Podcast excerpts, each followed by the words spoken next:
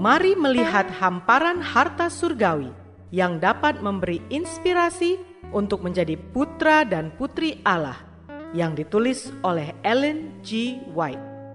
Melalui renungan pagi ini, kita akan mempelajari nasihat yang menguatkan dan memberi semangat untuk memperbaiki karakter kita.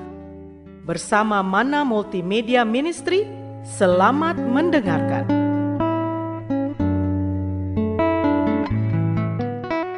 Shalom, selamat pagi saudaraku. Renungan pagi kita hari ini, 15 Juli, berjudul Keberanian dan Kekuatan Diperlukan Sekarang. Bersama saya, Naomi Panjaitan. Ayat intinya diambil dari Keluaran 9 ayat 16. Demikian firman Tuhan. Akan tetapi inilah sebabnya aku membiarkan engkau hidup, yakni supaya memperlihatkan kepadamu kekuatanku dan supaya namaku dimasyurkan di seluruh bumi. Mari kita dengarkan penjelasannya. Kehidupan Kristen melebihi apa yang diperkirakan banyak orang. Tidak terbatas hanya pada kelembutan, kesabaran, keramahan, dan kebaikan. Semua karunia ini memang penting, tetapi masih juga diperlukan keberanian, kekuatan, tenaga, dan ketabahan Jalan yang ditandai Kristus adalah suatu jalan sempit, penyangkalan diri. Untuk memasuki jalan tersebut dan menempuhnya melalui kesulitan-kesulitan dan keputusasaan, menuntut perlunya orang yang gagah berani. Orang yang memiliki kekuatanlah yang diperlukan. Orang yang tidak akan menunggu sampai jalan mereka mulus dan setiap rintangan disingkirkan dulu.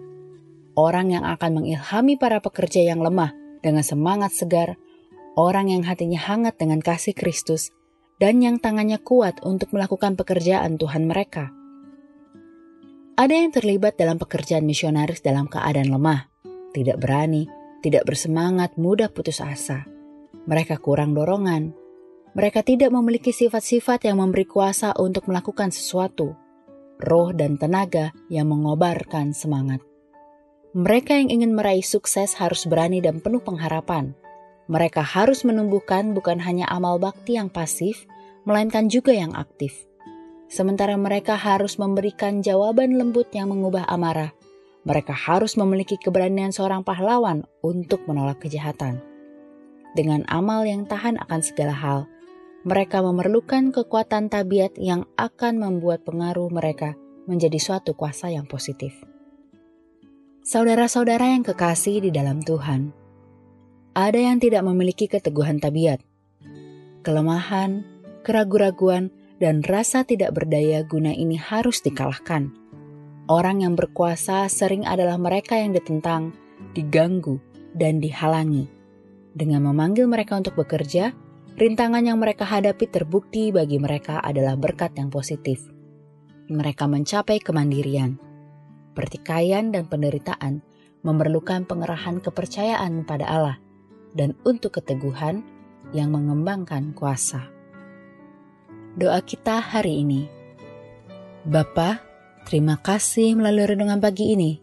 Kami boleh belajar tentang pentingnya memiliki keberanian dan kekuatan di dalam kehidupan kami sebagai pelayan Kristus. Terima kasih melalui renungan pagi ini, kami diingatkan untuk juga menjadi berani di dalam Allah. Tolong kami hari ini untuk menjadi pribadi yang tidak hanya lemah lembut, namun juga berani berdiri atas kebenaran. Inilah doa kami ya Bapa. Di dalam nama Yesus Kristus kami berdoa. Amin.